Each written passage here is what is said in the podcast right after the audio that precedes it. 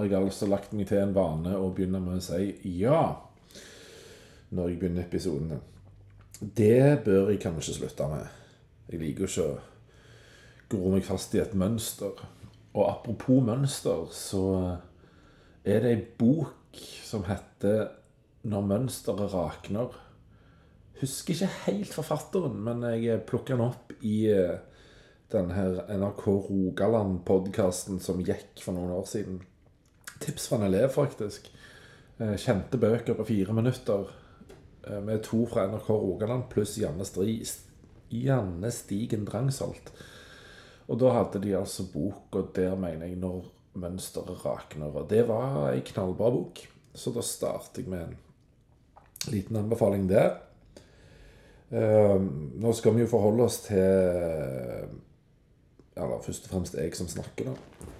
Men du blir tvungen som lytter på til å forholde deg til et uh, innhold i ei viss bok. For å avslutte denne serien om uh, de ti bud, så uh, hører jeg jo gjenklangen av denne Harald Eia-sketsjen igjen. I serien De ti bud har vi nå kommet til siste episode. De, de bud seks. skal, ikke Skal ikke snakke sånn mer av denne episoden, iallfall. Vel Budet er kort sagt, eller den vanlige versjonen, og jeg tror det er den som bein framstår sånn Du skal ikke bryte ekteskapet. Så er jeg allerede fristet til å ta en sånn Eller skal du det? Kan det noen gang være fornuftig å bryte det? Og hvorfor skulle de den gang ikke bryte det? For det er jo en, en viktig essens å trenge inn i eh, hvis vi skal utforske et perspektiv her.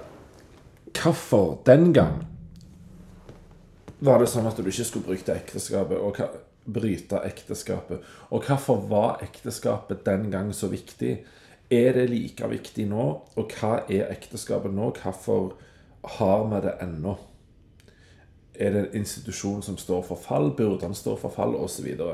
Um, om jeg ikke kommer inn på alle de spørsmålene og sier noe om de, så er det iallfall noe en kan spinne videre på i eget hode.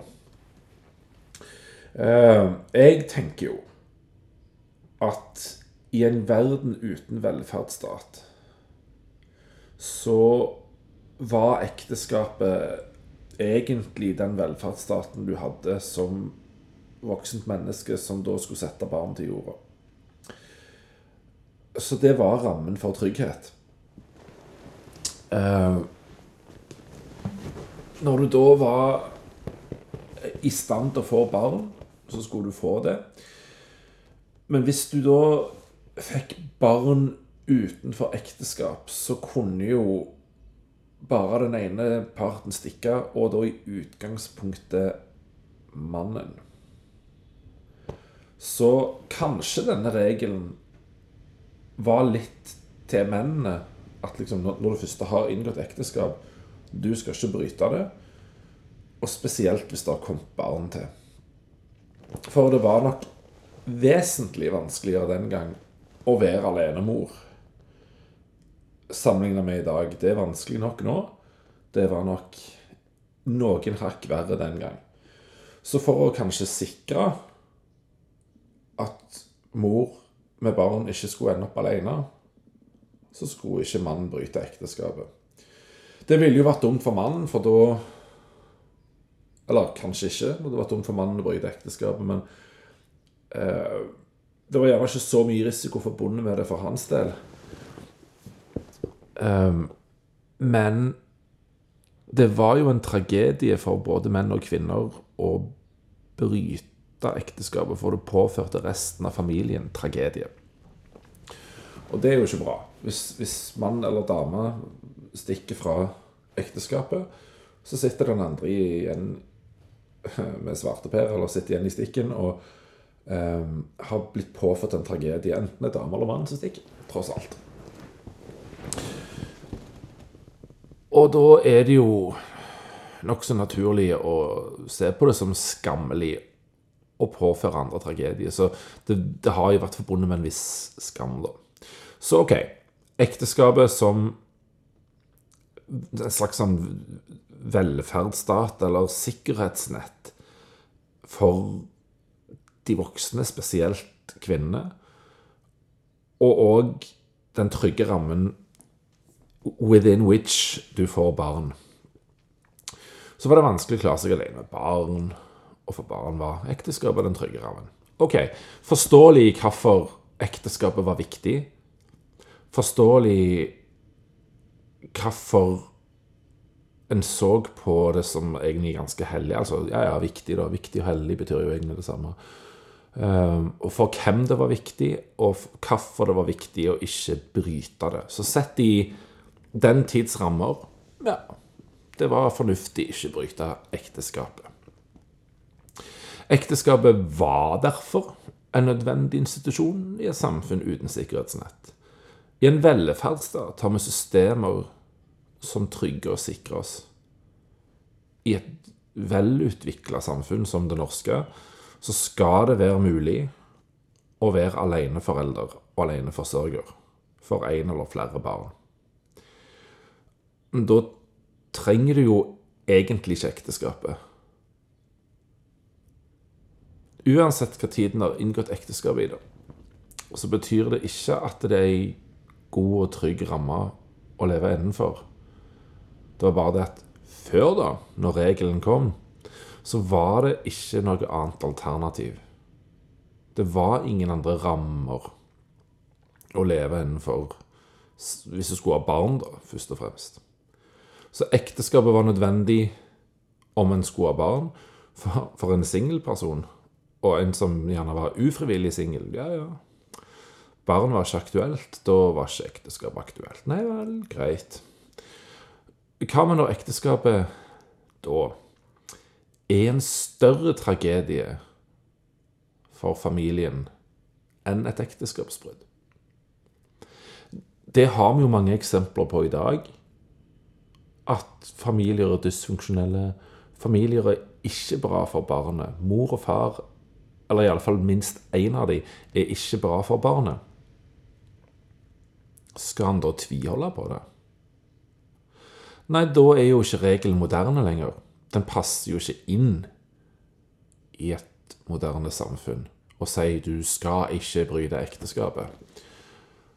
Og da blir det litt bakstreversk av de konservative som sier jo, det er en synd å bryte ekteskapet.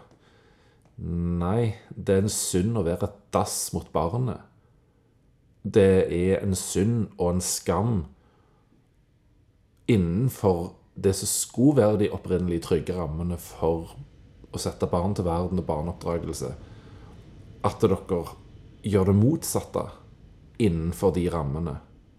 Men kanskje er da det beste å bryte dette for barnets ve og vel. Og kanskje til og med for den ene av ektefellene sin del, og veldig ofte kvinnen. Men det er ikke alltid kvinnen.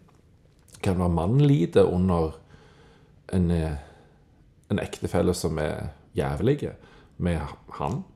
Men det kan òg være en voldelig mann som er voldelig mot kona og unger.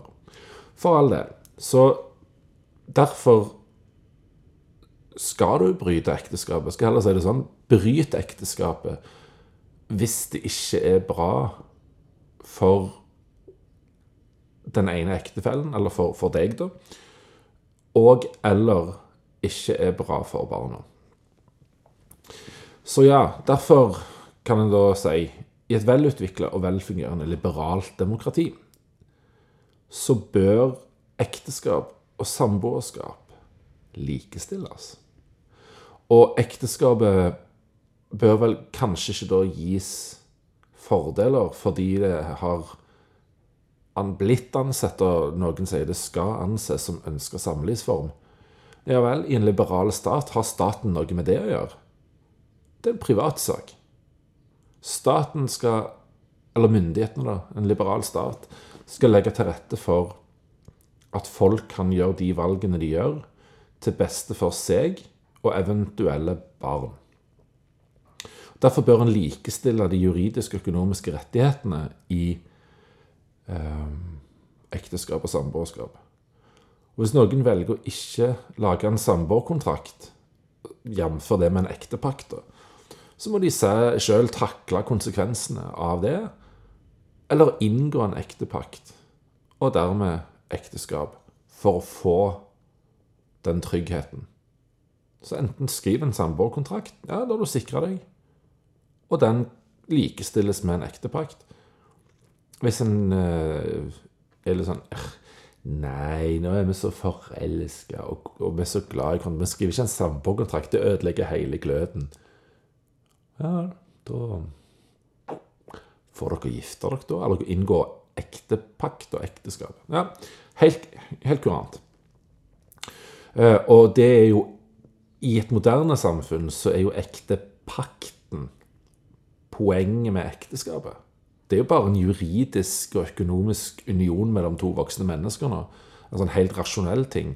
Nå snakker ikke jeg om bryllupet. Det er jo bare en seremoni. Der du går til en tredjepart for å få verifisere at ja, nå har vi lov til å kalle oss husband and wife. Mann og kone. Det er jo for noen tullete. For andre er det sånn åh, det er drømmen min. Ja vel. Men det er ikke bryllupet jeg snakker om nå. Det er ikke seremonien det er selve ekteskapet og ektepakten, som dette budet da handler om. Ok, så i og med at ekteskapet ikke nødvendigvis gir den trygge rammen det er meint å ha, fordi barn kan vokse opp og leve i et helvete til tross for at foreldrene er gift, bør dette budet i et moderne samfunn handle om gode relasjoner. Det er min påstand. Altså, du skal jobbe med relasjonene. Du skal ta vare på gode relasjoner. Du skal være villig til å endre deg og endre holdningene dine og vanene dine for å oppnå gode relasjoner, og for å oppnå og ta vare på gode relasjoner. Gode relasjoner har vi jo snakka om, eller eh, det er jeg som snakka om i tidligere episoder. Så i så måte er det klokt å tale vel om andre i andres påhør enten den eller de du omtaler, er til stede eller ikke. Og i motsatt tilfelle så tar det vanskelige under fire øyne på saklig vis. Så hva skal vi da Eller jeg, siden jeg som babler her Hva skal vi si, da? At bud sex i et moderne samfunn heller kan omformuleres til? i stedet for å si du skal ikke bryte ekteskapet. Um, du skal være endringsvillig for å jobbe med relasjoner og ta vare på ah, OK, start den på ny. For her redigerer jeg ingenting. Du skal Eller vær villig til å endre deg, sånn at du kan jobbe for å ta vare på gode relasjoner. Noe sånt. Og herunder, altså som en forlengelse av budet, da Tal vel om andre i andres påhør, enten de du omtaler, er til stede eller ikke. Og hvis du ikke skal si noe vel om andre, ikke tale vel om andre, så ta det med den det gjelder, på en saklig måte. Det er òg en måte å bygge en god relasjon på, så det, det henger sammen, da. Det bør heller dette livsrådet for eh, ditt forhold til andre levende gå ut på. Fordi det er egentlig ikke vits i et moderne liberalt demokrati, velutvikla, velfungerende, forhåpentligvis, så er det ikke vits å snakke om ekteskap, egentlig, fordi Iallfall ikke som ønsker samlivsform, for det er det helt opp til de involverte å bestemme sjøl hva som er ønska samlivsform. Hvis noen vil ha et polyamorøst ekteskap, altså polygami eller bigami, som som da kalles, så, så bør vi faktisk tillate det. Er min påstand. For det er ikke staten og myndighetene sin oppgave å blande seg opp i. Det er de som lever oppi det. Og hvis de finner ut at vi har lyst til å ha barn inni disse relasjonene og disse omstendighetene, helt opp til de avgjør. Eller så må vi jo faktisk da si at som en konsekvens av at de ikke skal få lov til å bestemme å ha et polygamisk eh, ekteskap der de velger å få en barn, nei, da er det ikke lenger de myndige, voksne menneskene, selvstendig velgende, tenkende menneskene som skal få bestemme det. Da må det jo være myndighetene som bestemmer det. Ja, der skal vi ikke. Så jeg tenker at ekteskapet som institusjon som in, Nå snakket jeg som Jens Stoltenberg her. Som institusjon. Ekteskapet som institusjon som i eh, gamle samfunn som ikke var velferdssamfunn, så var velferdssamfunnet, eller velferdsstaten, kan du si, sikkerhetsnettet, var familien, det var ekteskapet. Men nå har vi jo i alle fall i Norge et velfungerende, velutvikla, liberalt demokrati i form av òg en velferdsstat, som er det sikkerhetsnettet.